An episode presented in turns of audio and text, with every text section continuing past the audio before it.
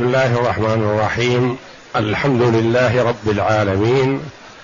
والصلاة والسلام على نبينا محمد وعلى آله وصحبه أجمعين. وبعد. أعوذ بالله من الشيطان الرجيم. الذين يأكلون الربا لا يقومون إلا كما يقوم الذي يتخبطه الشيطان من المس. ذلك بأنهم قالوا إنما البيع مثل الربا وأحل الله البيع وحرم الربا. فمن جاءه موعظة من ربه فانتهى فله ما سلف فله ما سلف وأمره إلى الله. ومن عاد فأولئك أصحاب النار هم فيها خالدون. هذه الآية الكريمة من سورة البقرة. جاءت بعد قوله جل وعلا الذين ينفقون أموالهم بالليل والنهار سرا وعلانية. سرا وعلانية فلهم أجرهم عند ربهم ولا خوف عليهم ولا هم يحزنون. الذين يأكلون الربا لا يقومون إلا كما يقوم الذي يتخبطه الشيطان من المس. الآية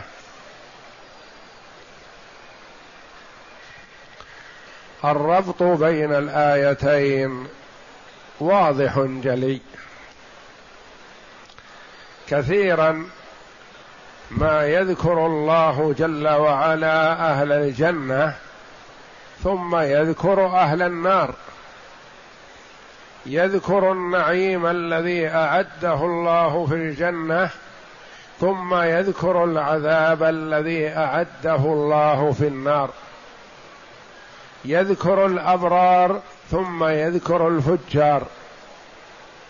وهنا يقول جل وعلا الذين ينفقون أموالهم بالليل والنهار سرا وعلانية فلهم أجرهم عند ربهم. هذه الآية في ختام آيات الإنفاق قبلها آيات عدة. في الإنفاق في سبيل الله وبيان من يستحق أن ينفق عليه والبذل والعطاء والإسرار والجهر والليل والنهار ثم ذكر جل وعلا من هم على ضدهم وهم الذين يأكلون الربا. هما في طرفي نقيض. متضادان كتضاد الليل والنهار. أولئك يعطون من حر أموالهم للفقراء والمساكين وفي سبيل الله يبتغون مرضاه الله. وهؤلاء يستغلون الفقير الذي لا يجد ما يكفيه فيتعاملون معه الربا يعطونه الريال بريالين والدرهم بدرهمين. والصاع بالصاعين إلى أجل. هؤلاء يمتصون الدماء وأولئك يعطون من حر أموالهم تقربا إلى الله. وانظر إلى الفرق بينهم وما أعده الله جل وعلا لكل طائفة فلهم أجرهم عند ربهم ولا خوف عليهم ولا هم يحزنون. وهؤلاء قال ومن عاد فأولئك أصحاب النار هم فيها خالدون.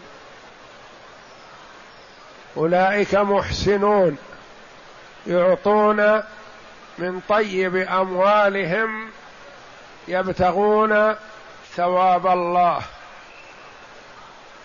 وهؤلاء يغتنمون حاجة المحتاج فيتعاملون معه بالربا.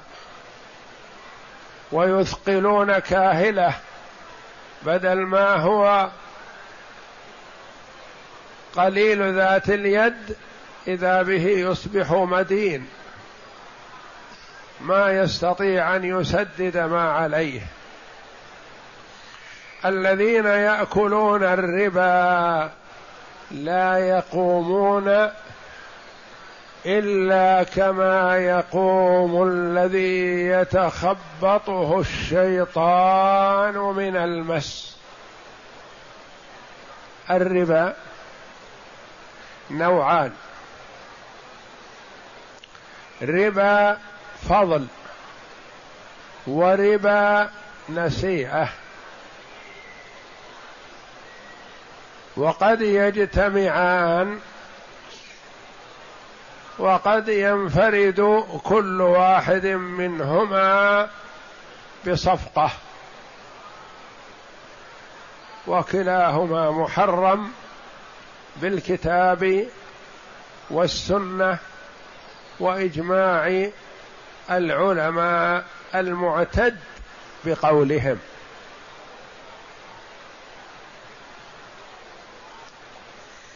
ربا فضل وربا نسيئة.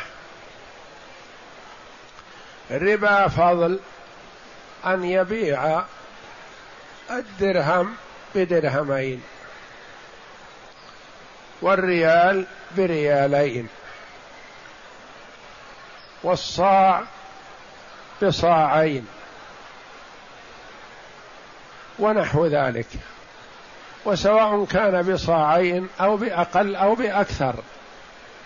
يعني شيء بشيء مع زيادة.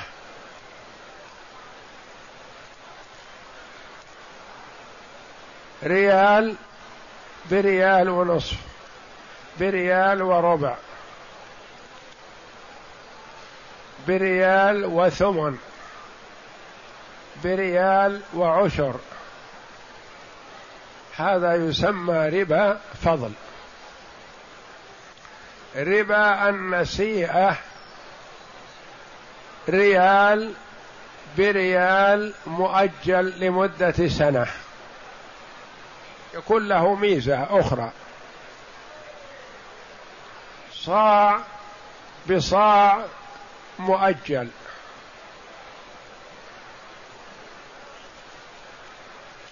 النسيئة الأجل والفضل الزيادة. وقد يجتمعان مثلا كأن يعطيه صاع بصاع ونصف من التمر لمدة ستة أشهر.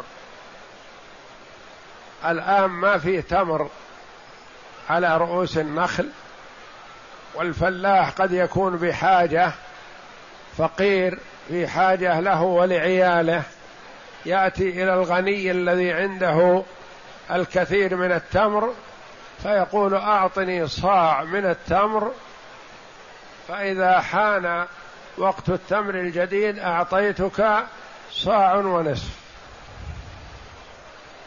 هذا اجتمع فيه ربا الفضل صاع بصاع ونصف واجتمع فيه ربا وجد فيه ربا النسيئة التأجيل. يأخذ الآن صاع ويدفع فيما بعد صاع ونصف. هذا ربا فضل وربا نسيئة. قد يكون ربا فضل فقط. الفقير عنده تمر ردي وبحاجة إلى تمر جيد ليقدمه لضيف عزيز عليه. فيعطي صاعين من التمر الرديء ويأخذ صاع من التمر الجيد. هذا يسمى ربا ربا فضل وليس فيه نسيئة.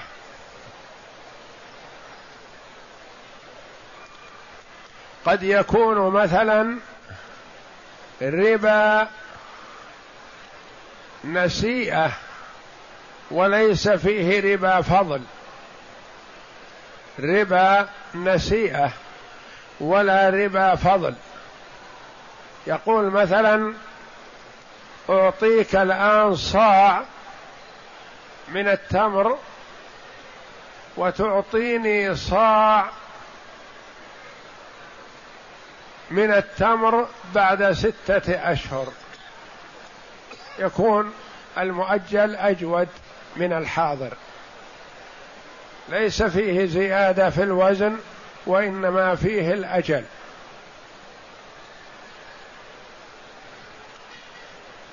والأموال الربوية معروفة محددة في الحديث الصحيح.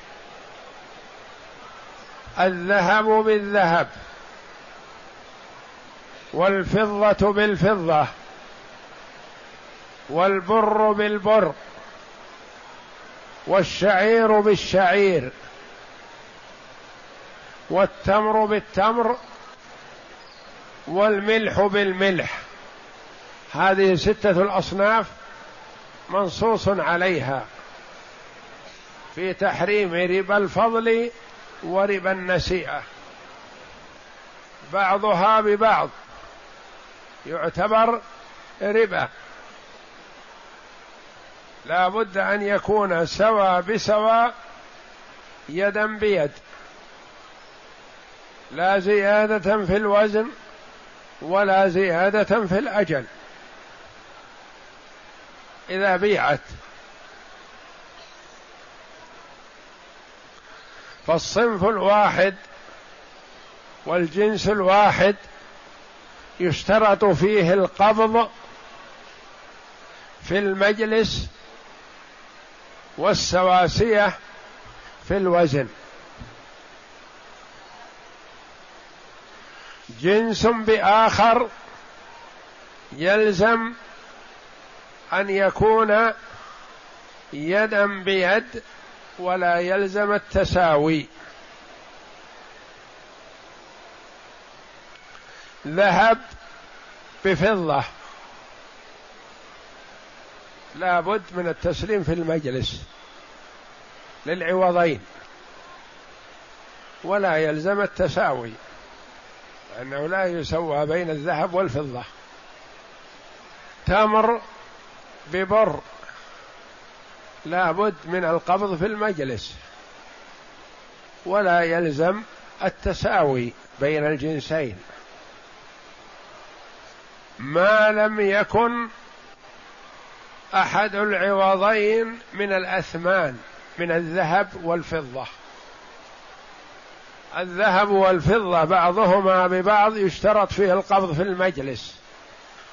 لكن شراء تمر بذهب أو تمر بفضة أو بر بفضة أو شعير بفضة هذا يجوز فيه التأجيل لأنها أثمان هذه.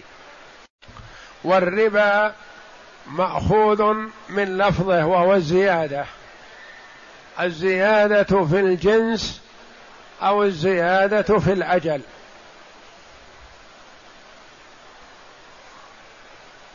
يقال ربى الشيء إذا زاد. فهذه زيادة في غير حق. فالربا اذن الزيادة والمراد الزيادة في الأجل أو الزيادة في الجنس والنوع. وهو في هذه الأصناف الستة وقاس العلماء عليها ما دخل ضمن علتها. واختلف العلماء رحمهم الله في علة الربا. أهي الكيل والوزن؟ أم هي الطعم؟ أم هي الإقتيات والادخار؟ ولكل مأخذ رحمة الله عليهم. وتفصيل هذا في كتب الفقه والأحكام. لأن من العلماء من قال علة الربا الوزن والكيل. فقال كل مكيلين تتأتى بينهما الربا بيع بعضهما ببعض. ما يصح مؤجلا ويصح بالجنسين متفاضلا حالا. صاع تمر بصاعين شعير مثلا يقبض في المجلس لا حرج لأنها جنسان. ومنهم من قال علة الربا الكيل والوزن والادخار. فأدخل المطعوم وغير المطعوم. ومنهم من قال الكيل والادخار والطعم. فأخرج غير المطعوم كالسدر ونحوها.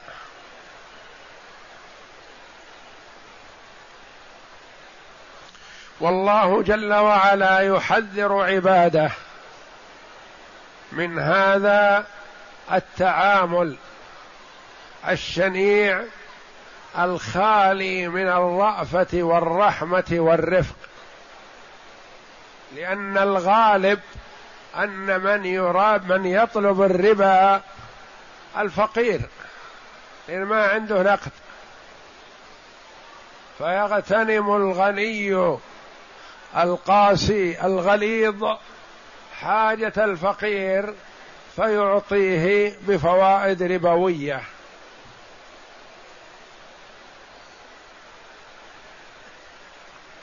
فالغالب في من يحتاج إلى الشيء أنه فقير. فيطلب مثلا من الشخص أن يعطيه مائة ريال لحاجته الماسة. يقول لا لا أعطيك مائة ريال إلا بمائة وعشرة وأمهلك شهرين أو ثلاثة أو سنة أو أقل أو أكثر.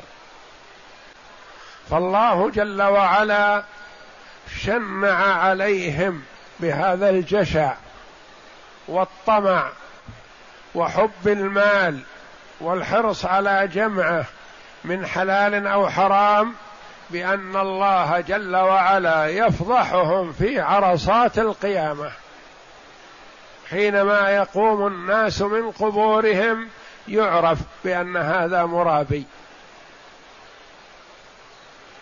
يقوم ويسقط يقوم ويسقط.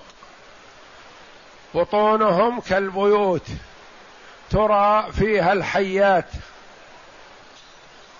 كأنه مجنون لأنه في حال الدنيا أشبه المجنون في الحرص على جمع المال وتكثيره. ولم بعضه إلى بعض. وتكثير الحسابات والدخل فعاقبه الله جل وعلا بما هو من جنس عمله. جعله في الدار الآخرة يقوم كالمجنون. كالذي يتخبطه الشيطان من المس في جنون.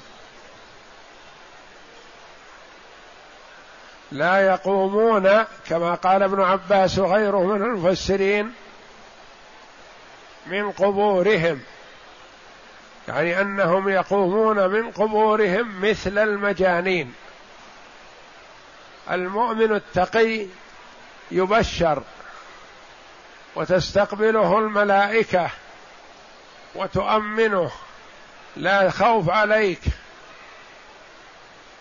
وهذا والعياذ بالله يقوم كالمجنون يتخبط يمشي ويسقط من هول الموقف وشدته وإيقانه بالعذاب الأليم والعياذ بالله.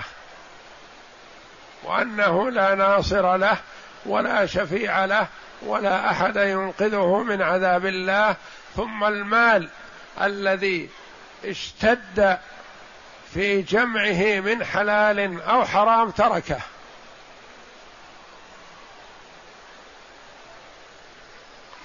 ويعذب به في عرصات القيامة لأن الغالب أن المرابي ما يزكي. فإن كان ماله ذهبا أو فضة فإنه يجعل صفائح من النار. وتكوى بها جباههم وجنوبهم وظهورهم كما قال الله جل وعلا. هذا ما كنزتم لأنفسكم فذوقوا ما كنتم تكنزون. وإن كان ماله مواشي يبطح لها في قاع مستو تطأه بأخلاء بأرجلها وتنطحه بقرونها. ويعذب بهذا المال الذي ادخره وجمعه من حلال أو حرام. والمؤمن التقي في ظل العرش في ظل الله جل وعلا توضع لهم الموائد من الطعام والشراب ويقال لهم كلوا واشربوا هنيئا بما أسلفتم في الأيام الخالية. وربما يكون ذاك الذي يعذب عنده الأموال العظيمة في الدنيا. وهذا الفقير ربما لا يجد شيئا. إن وجد الغدا ما وجد العشاء. ولكن هذا اتقى الله جل وعلا وذاك لم يتق الله. الذين يأكلون الربا لا يقومون إلا كما يقوم الذي يتخبطه الشيطان من المس يتخبط من الجنون. وأكل الربا في الدنيا صفة وسيما اليهود لأنهم عندهم الحرص الشديد على جمع الأموال وتكديسها ولا يبالون بالحلال والحرام. وعلماؤهم يقولون لهم الربا البسيط فيما بينكم ما يضر. ولكم الربا وإن كان فاحشا مع غير جنسكم. مع غير اليهود يقول مهما تأخذ من الربا فهو حلال لك. لما؟ لأنهم يقولون إن أصل الأموال هي لليهود وغيرهم لا حظ له في المال. فالمال الذي مع غير اليهود كالمغتصب فبأي وسيلة استرددته منه فهو حل لك. هكذا في بعض كتبهم. غير اليهود لا حظ لهم في المال. الربا البسيط مع اليهودي يهودي مع يهودي حلال. الربا الفاحش يحل مع غير اليهود مهما فحش ومهما عظم. وهم معروفون من قديم الزمان بحب المال والحرص على جمعه. ونوه الله جل وعلا عنهم في كتابه بأنهم اكله الربا. استحلوا الربا الذي حرم الله جل وعلا.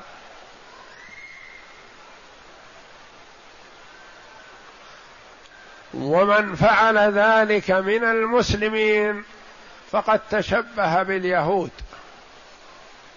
واتبعهم في خصلة من خصالهم. وإلا فالمؤمنون رحماء بينهم.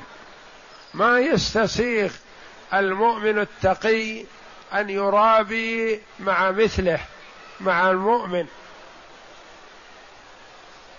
إن كان عنده سعة واساه وتصدق عليه أو أقرضه أو باع عليه بيعا حسنا.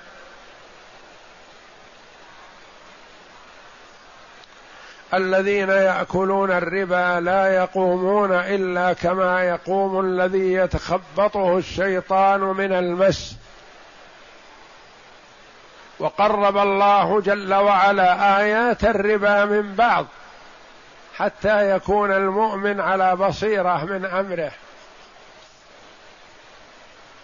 هذه مبدأها وبعدها آيات توضح ثم تبين الطريق لمن ارعوى ومن الله عليه بالتوفيق فأراد أن يتوب. وإن تبتم فلكم رؤوس أموالكم لا تظلمون ولا تظلمون. وإن كان ذو عسرة فنظرة إلى ميسرة. وأن تصدقوا خير لكم إن كنتم تعلمون. في صفحة واحدة آيات الربا وفيها آيات أخر موزعة في القرآن. لكن جل آيات الربا هذه الآيات في هذه الصفحة من سورة البقرة التي قبل نهايتها. الذين يأكلون الربا لا يقومون إلا كما يقوم الذي يتخبطه الشيطان من المس. كأن قائلا يقول ولم يا ربي؟ وأنت الحكم العدل. لا تظلم الناس شيئا. لم يفضحون في هذا الموقف؟ قال الله تعالى ذلك بأنهم قالوا إنما البيع مثل الربا. أخبر الله جل وعلا عنهم أنهم يعكسون. ما قالوا الربا مثل البيع تمويه على الناس لا عكسوا. قالوا البيع هذا الذي أنتم تقولون إنه حلال مثل الربا. شبهوا البيع بالربا ولم يشبهوا الربا بالبيع. أنت تقول مثلا وجه زيد كالبدر تمدح. زيد. فإذا أردت المغالاة وزيادة المدح والمكابرة تقول البدر كوجه زيد. البحر كراحة زيد في العطاء. ما تقول راحة زيد كالبدر أو يده كالبدر كالبحر. لا تقول البحر كيده. والبدر كوجهه. هنا شبهوا البيع في الحل بأنه شبيه بالربا مثل الربا. لأن الربا عندهم أنه لا حرمة فيه ولا يتطرق إليه التحريم لأنه فيه ربح. وما كان فيه ربح فهو حلال. عندهم ما كان فيه ربح فهو حلال ايا ما كان. ذلك بأنهم قالوا إنما البيع مثل الربا. هذا الربا البيع الذي تتعاملون فيه وتعتقدون حلة وأولئك يعتقدون أنه لا فائدة فيه البيع وليس بحلال. هذا مثل الربا.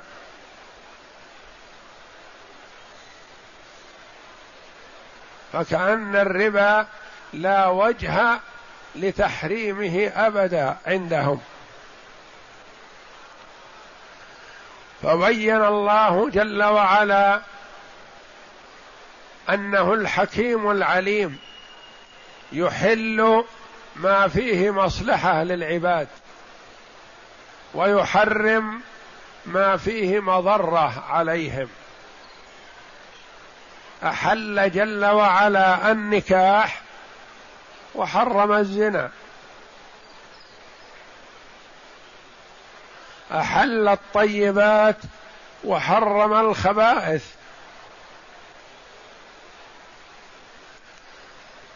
قال وأحل الله البيع فمن رحمته بعباده.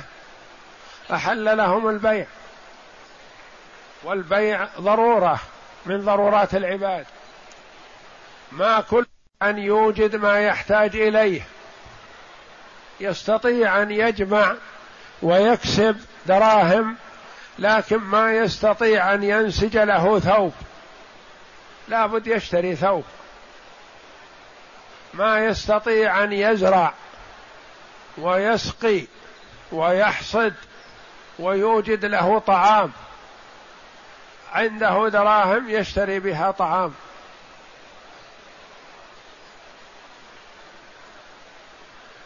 فالبيع ضرورة للعباد وفائدة لهم ورفق بهم وتيسير لأمورهم. أحل الله البيع لما فيه من الفوائد وتبادل المنافع. الفلاح يستطيع الإنتاج الزراعي. لكن ما عنده مادة ما عنده دراهم. الموظف عنده دخل عنده دراهم لكن ما يستطيع يزرع ويحرث ويعمل ويوجد له طعام. هذا محتاج إلى هذا وهذا محتاج إلى هذا. وأحل الله البيع وحرم الربا لما فيه من امتصاص أموال الناس بغير حق. وهو الحكيم العليم. يحل الشيء لحكمة ويحرمه لحكمة. يكون حلالا نافعا مفيدا. ثم يكون حراما ضار مهلك. يسألونك عن الخمر والميسر قل فيهما إثم كبير ومنافع للناس. هذا في أول الأمر. فيها إثم وفيها منافع. ثم أنزل الله جل وعلا يا أيها الذين آمنوا إنما الخمر والميسر والأنصاب والأزلام رجس من عمل الشيطان فاجتنبوه لعلكم تفلحون. رجس. والرجس يكون فيه منافع. لا والله. سلبت المنافع.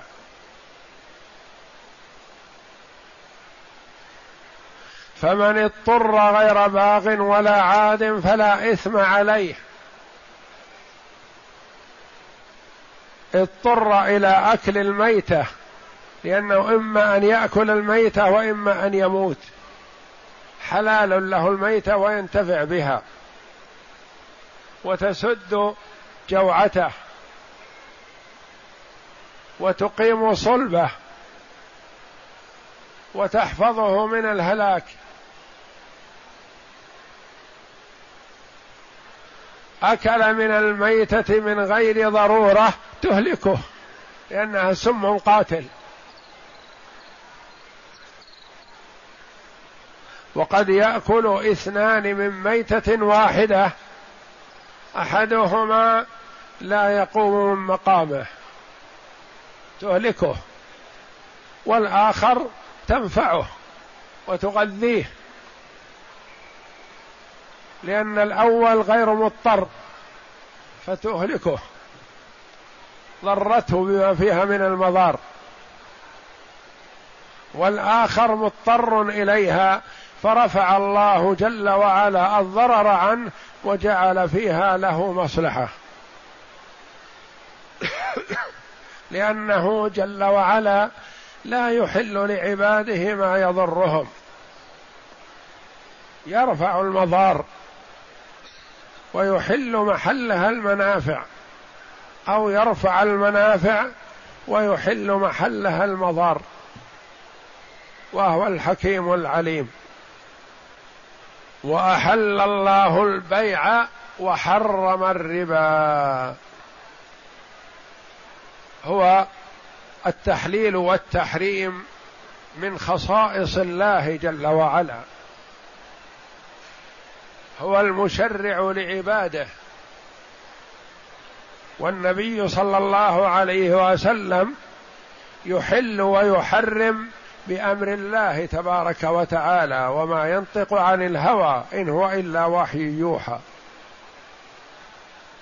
فمن جعل نفسه بالتحليل والتحريم فقد جعل نفسه شريكا مع الله تعالى الله.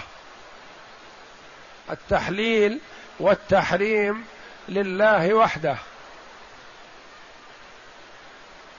وأحل الله البيع وحرم الربا.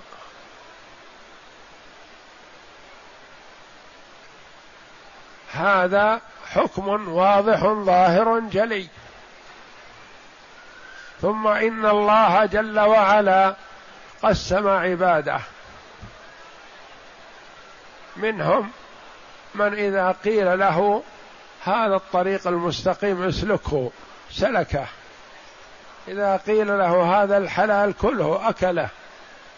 إذا قيل له هذا الحرام اجتنبه اجتنبه. سامع مطيع.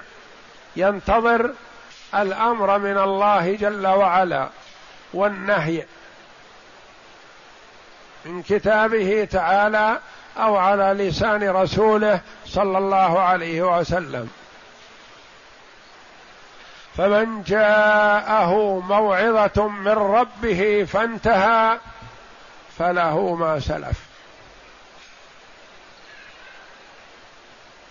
أقول كل ربا الجاهلية موضوع وهو بباب الكعبة عليه الصلاة والسلام. وأول ربا أضعه ربانا ربا العباس ابن عبد المطلب. كان التعامل سائد عند كفار قريش بالربا. يبيعون الدرهم بالدرهمين والصاع بالصاعين وإذا حل الأجل قال إما أن تفي وإما أن تربي. فيقول ما عندي ما أفي؟ يقول إذا تربي. عندك عشرة آصع من التمر نجعلها خمسة عشر صاع ونمهلك ستة أشهر أو سنة أو أقل أو أكثر. ثم تتراكم الديون بعضها على بعض. وأول ربا أضعه ربانا ربا العباس بن عبد المطلب عم الرسول صلى الله عليه وسلم. أنه كان من التجار في الجاهلية. فمن جاءه موعظة من ربه فانتهى فله ما سلف. لعن رسول الله صلى الله عليه وسلم في الربا خمسة والآكل واحد.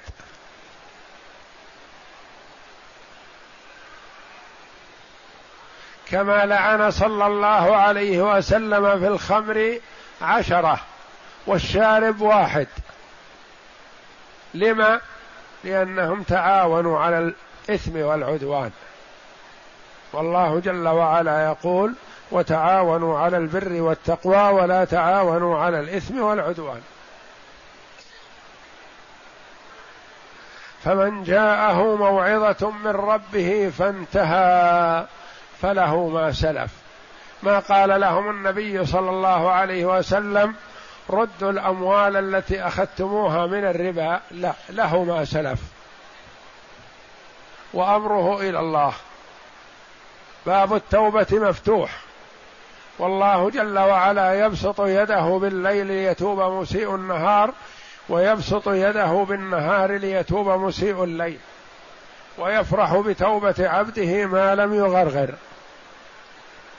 فانتهى فله ما سلف وأمره إلى الله.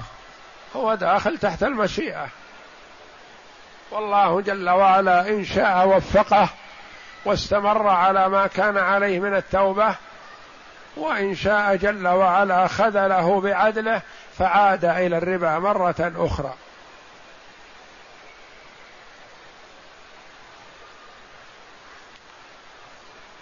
وأمره إلى الله ومن عاد بعد العلم بتحريم الربا فأولئك أصحاب النار هم فيها خالدون. أعوذ بالله. ومن عاد فأولئك أصحاب النار لأنه عاد إلى الحرام بعد العلم. مكابرة مغالطة محاربة محادة لله ولرسوله هؤلاء أصحاب النار هم فيها خالدون. يخلد في النار والعياذ بالله إذا لم يعفو الله جل وعلا عنه. فأولئك أصحاب النار هم فيها خالدون. يقول العلماء رحمهم الله في آيات وأحاديث الوعيد هذا أنه يستحق الخلود في النار لجرمه الشنيع هذا. إن لم يوجد مانع من الموانع. والموحد الذي مات على التوحيد وجد مانع جاء ذكره في الكتاب والسنة فهو يستحق الخلود في النار إن لم يوجد مانع فإذا وجد المانع استحق العذاب دون الخلود لوجود المانع ومن أصول أهل السنة والجماعة أن مرتكب الكبيرة كالزنا والسرقة وشرب الخمر والربا وغير ذلك من الجرائم أنه لا يخلد في النار أبدا. أنه داخل تحت المشيئة. إن شاء جل وعلا غفر له بتوحيده وأعماله الحسنة وإن شاء عذبه بهذه الأعمال ولا يخلد في النار إلا الكفار.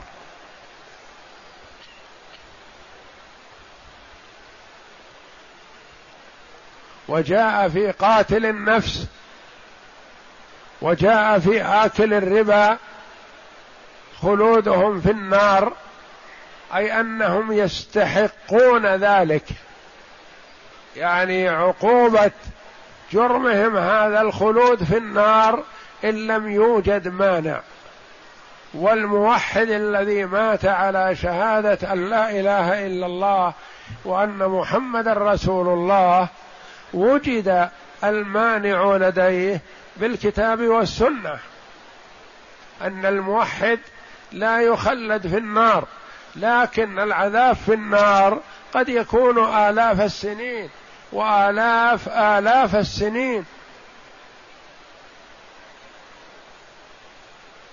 فالناس عصاة المؤمنين إذا لم يعفو الله عنهم ودخلوا النار فقد يكون دخولهم النار آلاف السنين ومنها يخرجون إلى الجنة.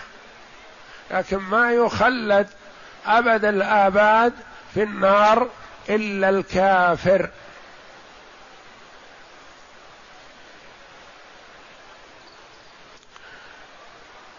والأحاديث في تحريم الربا كثيرة مشهورة. وجاء عن النبي صلى الله عليه وسلم أنه في آخر الزمان يكثر الربا كما هو الحال اليوم. قيل كيف يأكله كل الناس؟ قيل من لم يأكله ناله من غباره. ما يسلم منه إلا القليل ممن سلمه الله. وكما هو الواقع اليوم عند كثير من الناس ما يبالي في المبايعات ولا في الصفقات ما دام فيها ربح. وتجد بعضها محاربة لله ورسوله ضحى النهار. تسجل في المؤسسات والبنوك معاملات ربوية ظاهرة. ثم يأتي المسلم الصالح لمراجعة ما. فيقال له اكتب شهادتك على هذه الصفقة ما يبالي يوقع. شاهد على هذا. فيدخل في اللعنة والعياذ بالله بهذا التوقيع. لعن رسول الله صلى الله عليه وسلم آكل الربا وموكله وكاتبه وشاهديه. وفي رواية هم سواء لأنهم تعاملوا تعاونوا على الإثم والعدوان. الشاهد الذي وقع على هذه الصفقة وإن لم يكن مستفيد شيء ولا موظف في البنك وليس له أي مصلحة وإنما قل تعال وقع شهادتك بعنا على فلان كذا بكذا فيوقع. يقول نعم أنت اشتريت كذا يقول نعم. إذا أراد أن يحتاط لشهادته في ظنه يسأل البائع يسأل المشتري هكذا أوقع يقول نعم موافقون. فيوقع على المعاملة الربوية فيدخل في اللعنة والعياذ بالله. واللعن هو الطرد والإبعاد من رحمة الله.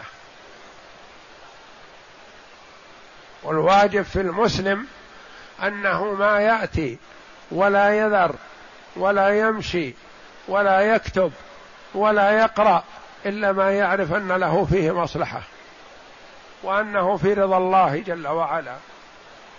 أما إذا لم يكن في رضا الله فلا يقبله كائنا ما كان وإن كان من أعز عزيز عليه.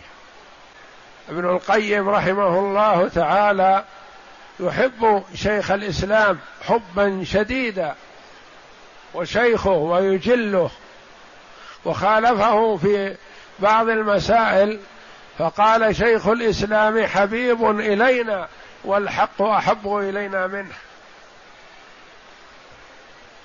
فالمسلم ما يأتي ولا يذر ولا يكتب ولا يقرأ ولا يأكل إلا ما تيقن أنه في مرضاه الله جل وعلا فإن اشتبه عليه تركه.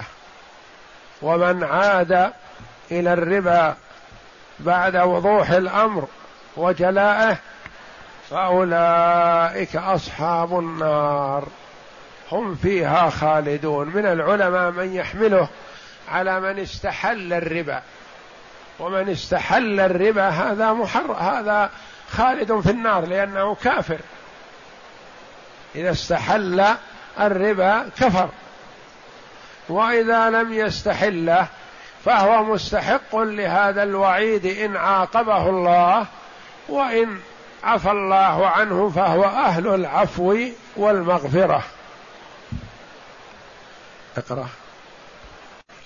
قال المفسر رحمه الله لما ذكر تعالى الأبرار المؤدين النفقات المخرجين الزكوات المتفضلين بالبر والصدقات لذوي الحاجات والقرابات في جميع الأحوال والأوقات شرع في ذكر أكلة الربا وأموال الناس بالباطل وأنواع الشبهات وأخبر عنهم يوم خروجهم من قبورهم وقيامهم منها إلى بعثهم ونشورهم فقال: الذين يأكلون الربا لا يقومون إلا كما يقوم الذي يتخبطه الشيطان من المس أي لا يقومون من قبورهم يوم القيامة إلا كما يقوم المصروع حال صرعه وتخبط الشيطان له.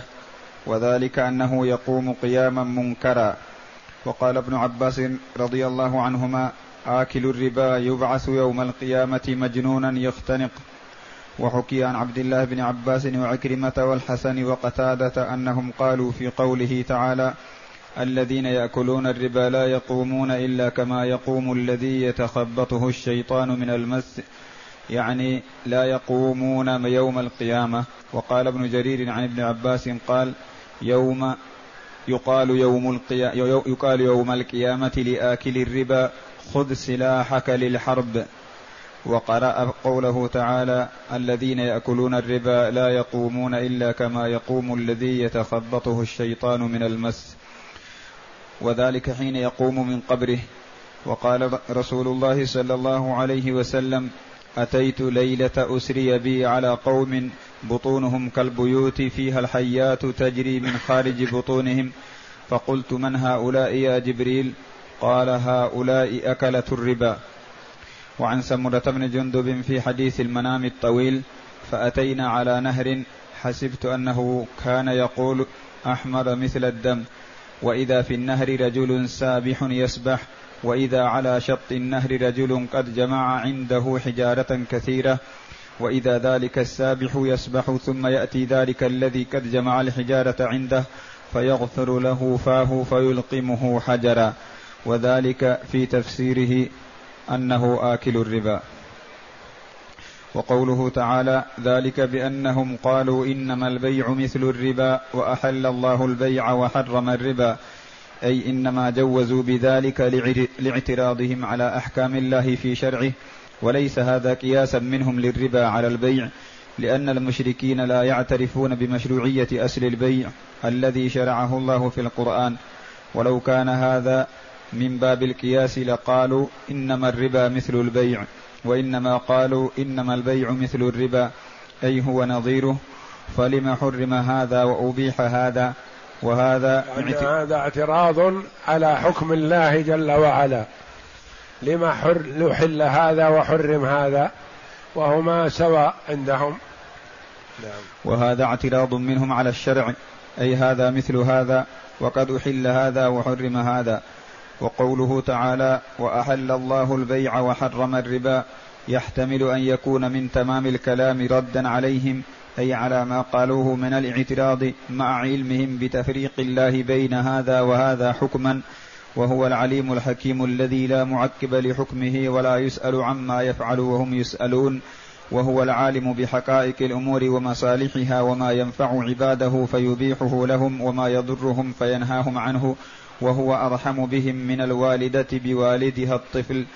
ولهذا قال فمن جاءه موعظة من ربه فانتهى فله ما سلف وأمره إلى الله أي من بلغه نهي الله عن الربا فانتهى حال وصول الشرع إليه فله ما سلف من المعاملة لقوله عفى الله عما سلف. وكما قال النبي صلى الله عليه وسلم يوم فتح مكة وكل ربا في الجاهلية موضوع تحت قدمي هاتين وأول ربا أضع ربا العباس. ولم يأمرهم برد الزيادات المأخوذة في حال الجاهلية بل عفى عما سلف كما قال تعالى فله ما سلف وأمره إلى الله ثم قال تعالى ومن عاد أي إلى الربا ففعله بعد بلوغه نهي الله عنه فقد استوجب العقوبة وقامت عليه الحجة ولهذا قال تعالى فأولئك أصحاب النار هم فيها خالدون ومن باب الربا من أش وباب الربا من أشكال الأبواب على كثير من أهل العلم. وقد قال أمير المؤمنين عمر بن الخطاب رضي الله عنه يعني بذلك بعض رضي الله عنه قال ثلاث وددت أن رسول الله صلى الله عليه وسلم عهد إلينا فيهن عهدا ننتهي إليه. الجد والكلالة وأبواب من أبواب الربا.